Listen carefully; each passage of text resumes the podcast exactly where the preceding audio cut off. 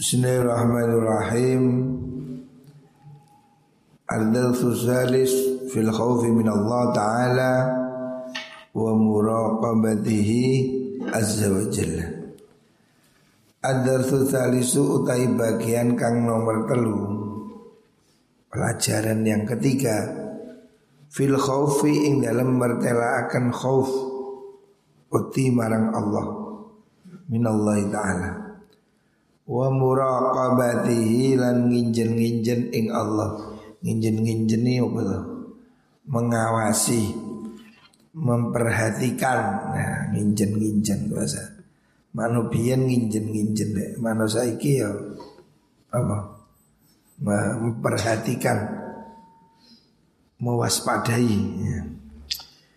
Qala dawu sapa Allah taala ya ayyuhan nasu taqu rabbakum inna zalzalatas saati syai'un azim يوم ترونها تذأل كل مرضعة عما أرضعت وتضع كل ذات حمل حملها وترى الناس سكارى وما هم بسكارى ولكن عذاب الله شديد يا أيها الناس هي إلين إلين منungso Itaku Watiyo sira Allah ing Gusti Allah Rabbakum ing pangeran sira kabeh. Takutlah kamu semua kepada Allah. Inna zalzalata saati syai'un azim. Inna zalzalata saati setuni kunjang kanjingi tino kiamat. Kunjang kanjing gempa hari kiamat iku syai'un suci-wici azimun kang agung. Kamu harus yakin, harus percaya bahwa kiamat itu ada. Yauma tarawunaha ing dalam tinani ningali siroha ing mengkono-mengkono sa'a. Tadhalu lali sapa kullu murdiatin saben-saben wadon kang nyusoni amma sanging perkara ardoat kang nyusoni sapa murdiah hari di mana kamu tidak apa? Kamu akan melihat orang-orang yang menyusui itu lupa kepada bayi yang disusuinya. Begitu dahsyatnya hari kiamat. Ibu yang maha penyayangnya ibu kasih sayang ibu luar biasa. Di dunia ini tidak ada yang melebihi kasih sayang ibu kepada anaknya. Tetapi pada hari kiamat begitu gentingnya, begitu dahsyatnya hari kiamat. Seorang ibu lupa pada anaknya, ya. Yauma tarawunaha tadhalu kullu murdiatin amma arda'at. Jadi dahsyatnya ini Allah gambarkan dengan satu contoh aja. Seorang ibu lari pada anaknya. Ibu menyusui lupa kepada anaknya. Padahal tidak ada kasih sayang, cinta, perhatian Melebihi kasih sayang seorang ibu kepada anaknya. Kita ini seumur hidup tidak akan pernah bisa membalas jasa hutang budi kita kepada ibu ya. Semua hutang bisa dibayar kecuali hutang kita kepada ibu. Begitu luar biasa ya.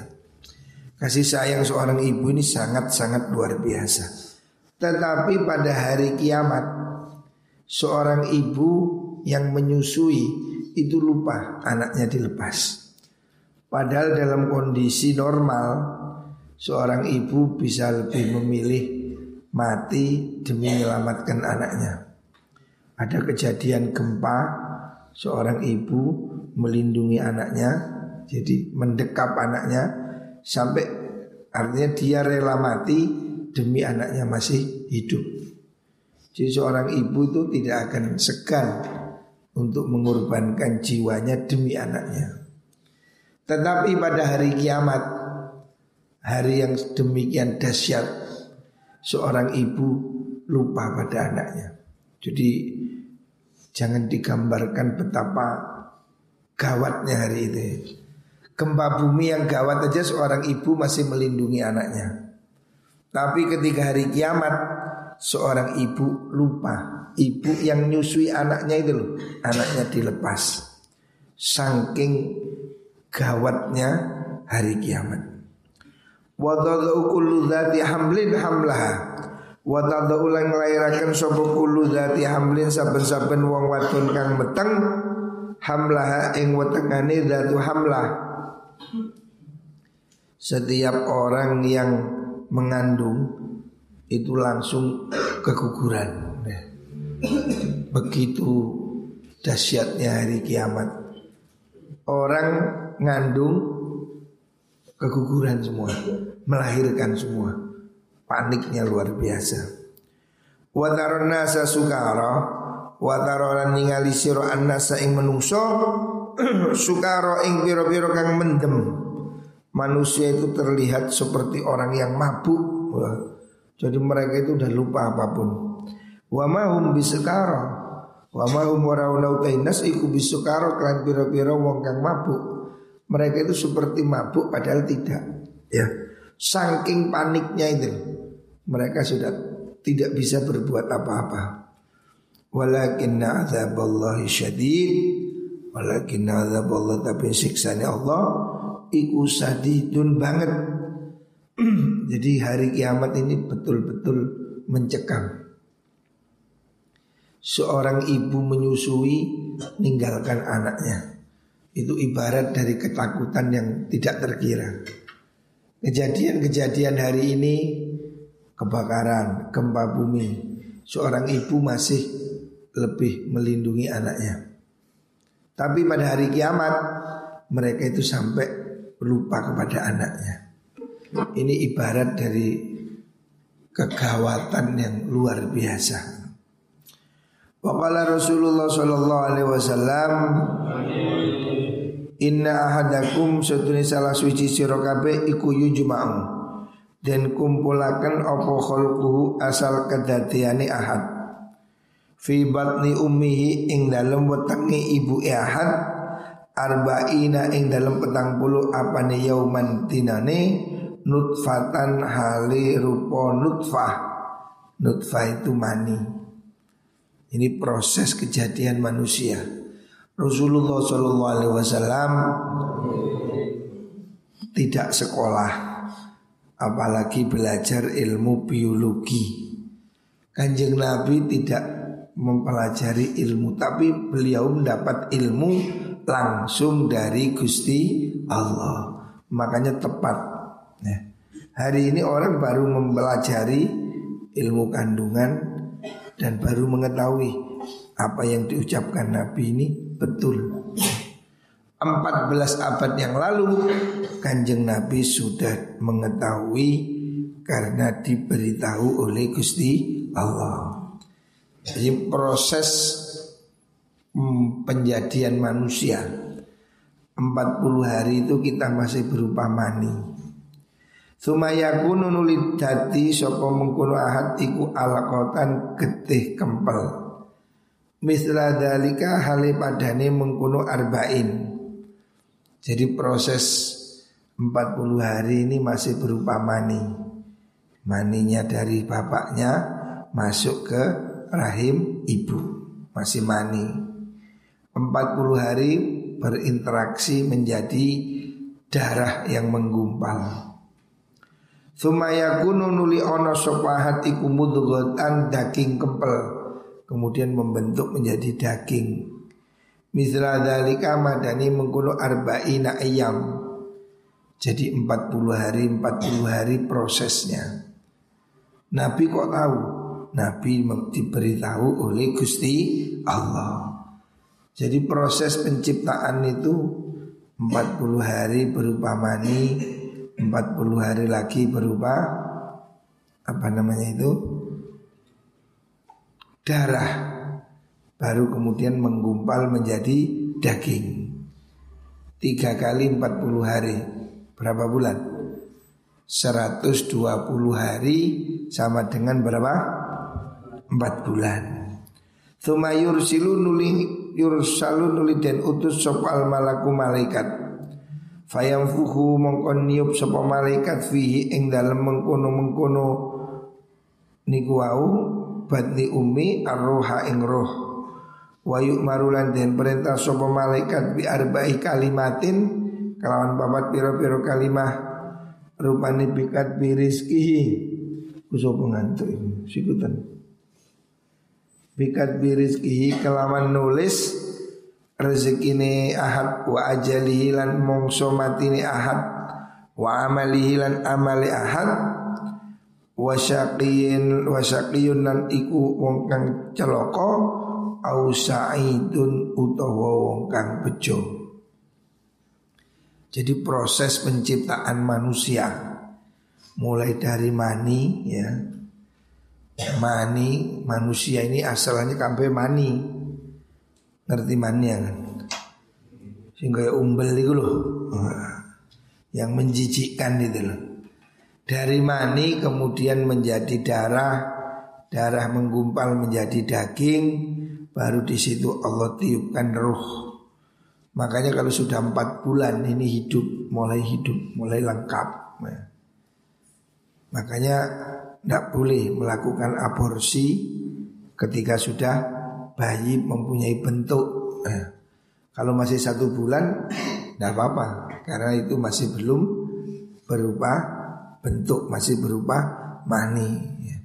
Tapi kalau sudah empat bulan, itu sudah sempurna, sudah ditiupkan roh, tidak boleh melakukan aborsi, itu sudah sama dengan pembunuhan. Ya.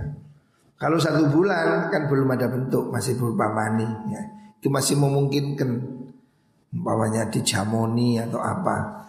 Tapi kalau sudah berbentuk, sudah empat bulan, tidak boleh, itu sudah makhluk hidup ya, sudah ada nyawanya.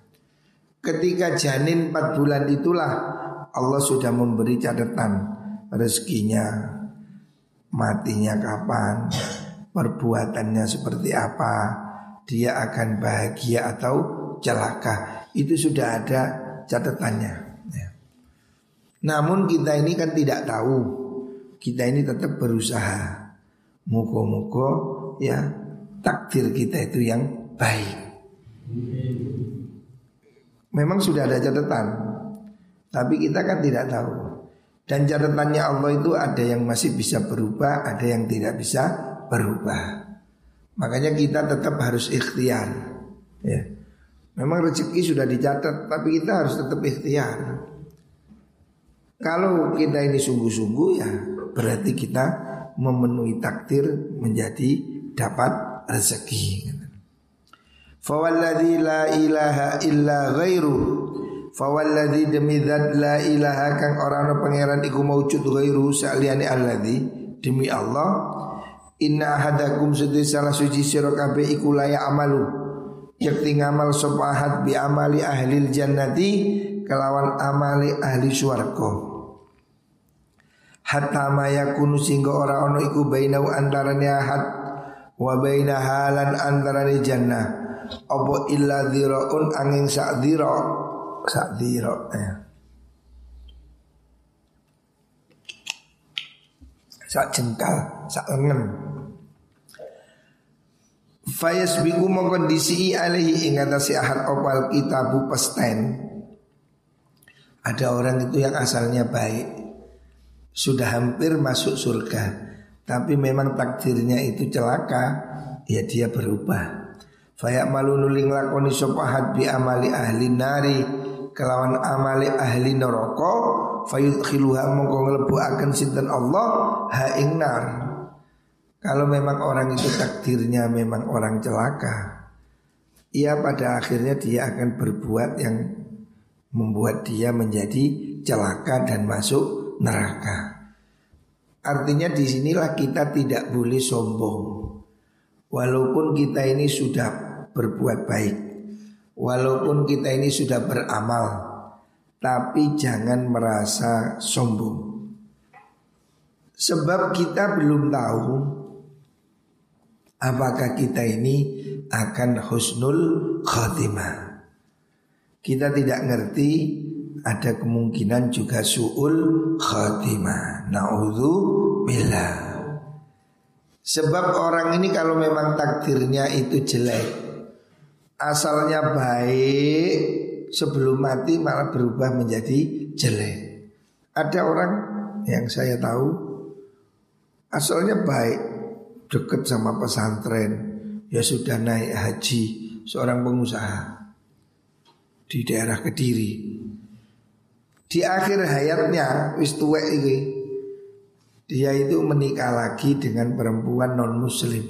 Ngono loh, katut murtad. Hari ini murtad.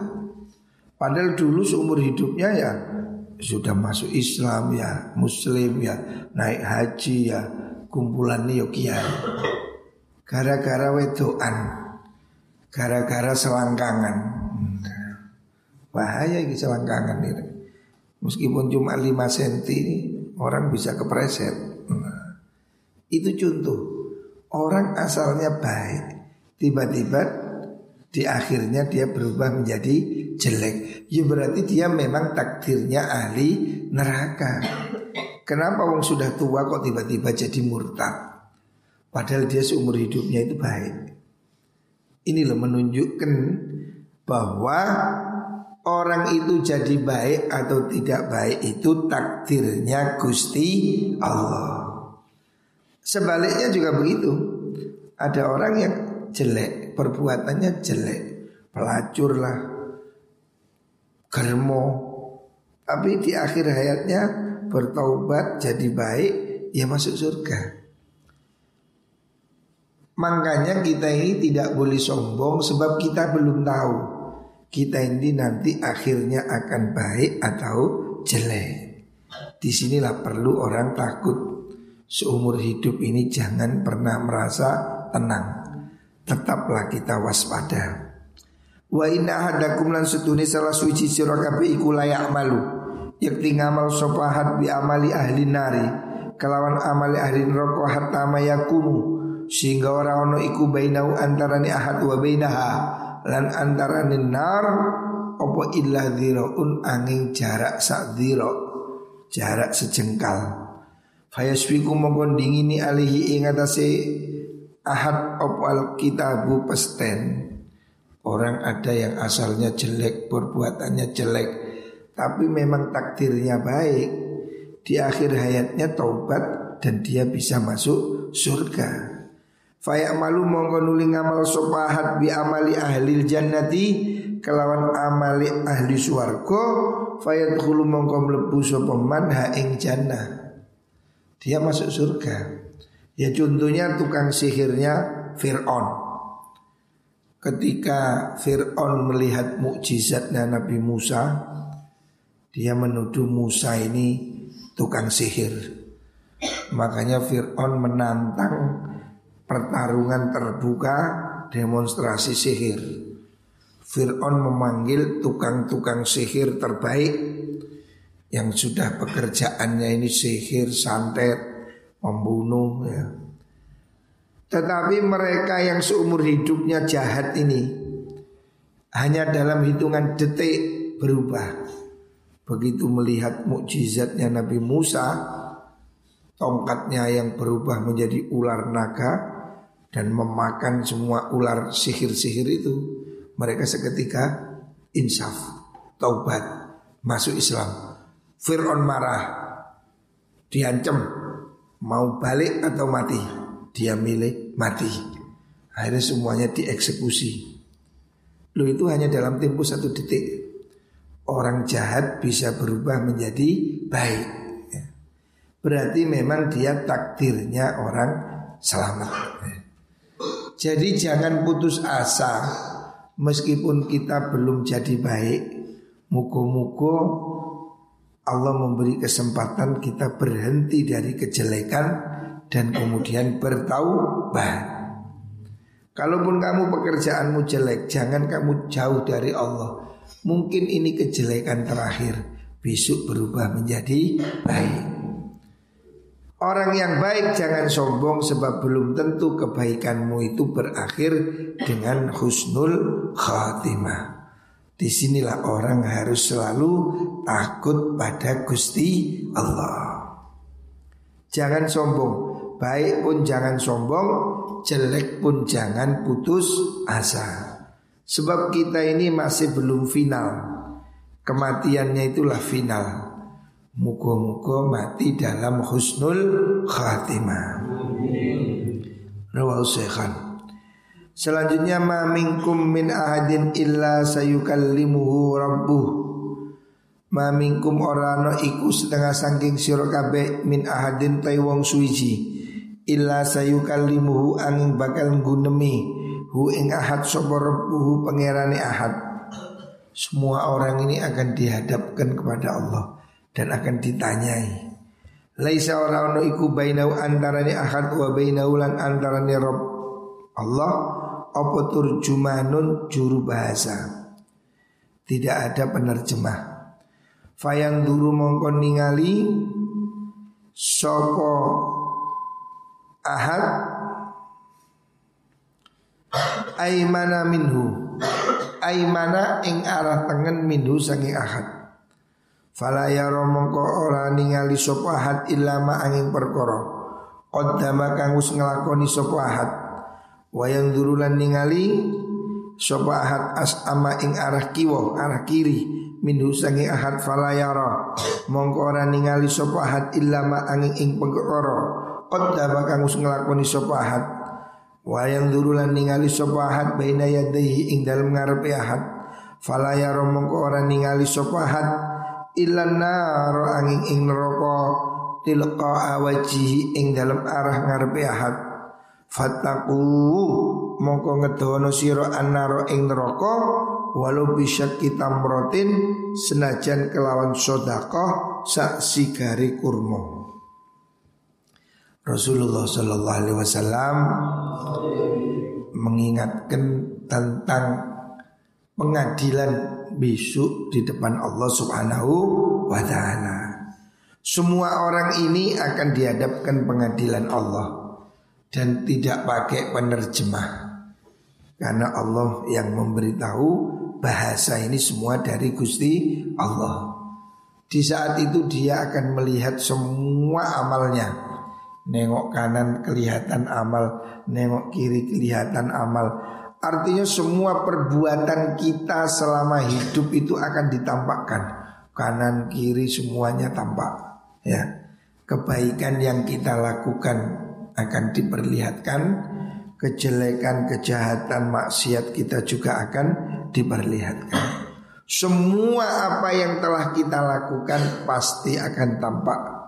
Faman ya'mal mithqala dzarratin khairan yara. Wa may ya'mal mithqala dzarratin yara. Semua sekecil apa pun perbuatan kita akan terlihat dan kemudian dia akan melihat di arah depannya itu neraka. Semua orang ini akan melewati neraka. Ke surga pun melewati neraka. Jadi kronologinya besok itu setelah pengadilan kita ini akan menuju jembatan. Jembatan ini melintas di atas neraka. Baru di depannya adalah surga.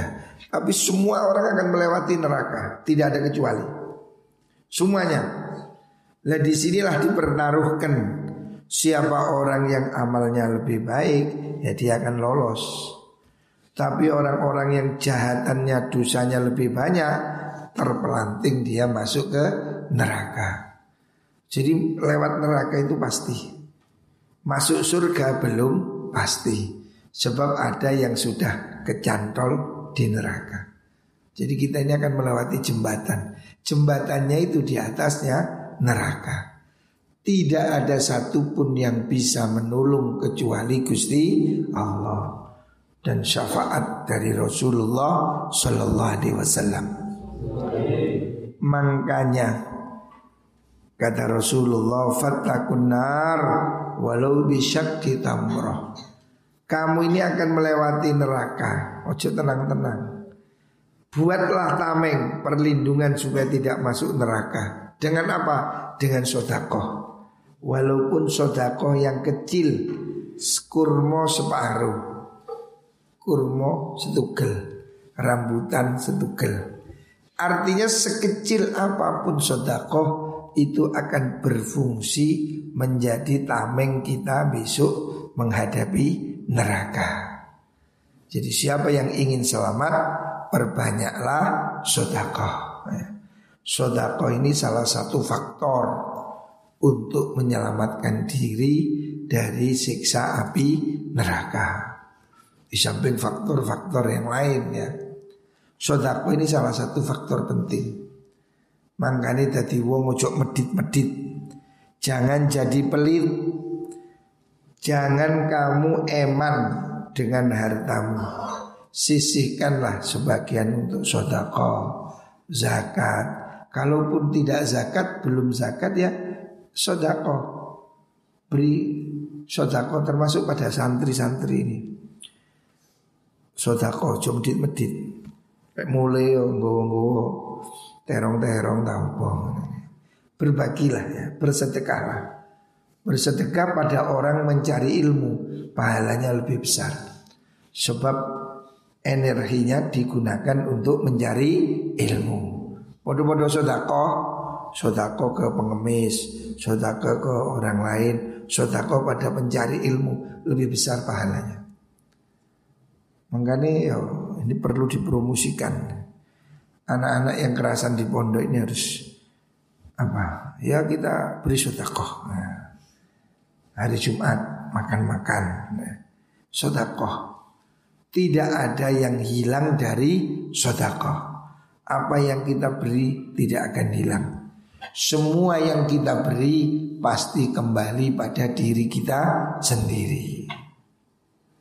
Ruahu Syekhan Hadis riwayat Imam Bukhari Muslim Selanjutnya Rasulullah Shallallahu Alaihi Wasallam bersabda Inna Allah yaghar wa ghiratullah ayyatiyal mar'u ma haramallah alaih Ruahu Syekhan Inna Allah seduni Gusti Allah iku yagharu cemburu sama Gusti Allah? Gusti Allah itu cemburu maksudnya cemburu nopo marah. Gusti Allah itu marah. Kalau bahasa kita cemburu. Orang kan punya cemburu. Pacarmu digonceng orang, kamu marah. Namanya cemburu. Gusti Allah juga marah, tapi bukan soal perempuan. Gusti Allah itu marah kapan? Wa ghiratullahi utawi cemburune Gusti Allah iku ayat tiyayen to nekani sopal mar wong suwiji nekani ma ing perkara haroma kang ngaromaken sinten Allah Gusti Allah taala alaihi ingatasi ma. Allah itu marah. Allah tidak rela kalau kita melakukan apa yang dilarang oleh Gusti Allah ya. Jadi jangan enak-enak berbuat dosa. Kalau kita melakukan dosa segeralah mohon ampun pada Gusti Allah. Segera susuli kejelekan dengan kebaikan. Umpamanya kamu habis melanggar, susuli dengan kebaikan. Baca Quran, zikir, istighfar. Wa'ad bi'isayyi'atal hasanah tamhuha supaya kejelekan itu terhapus susulkan kebaikan-kebaikan Tulisan di setipu di setipu. Setipu nih nopo? Setipunya perbanyak membaca istighfar. Berbuat baik baca istighfar. Mugo-mugo dosa kula panjenengan disepuro kali Gusti Allah. Jangan merasa tidak punya dosa. Kesalahan terbesar itu kalau kita merasa tidak punya salah. Ya akuilah kita ini banyak dosa. Makanya perbanyaklah sodakoh, perbanyaklah mohon ampun pada Gusti Allah. Muko-muko dosa-dosa kita diampuni Allah Subhanahu wa taala. Muka-muka yang sakit disembuhkan oleh Allah. Semoga semua dilindungi Allah subhanahu wa ta'ala. Amin. Allahumma amin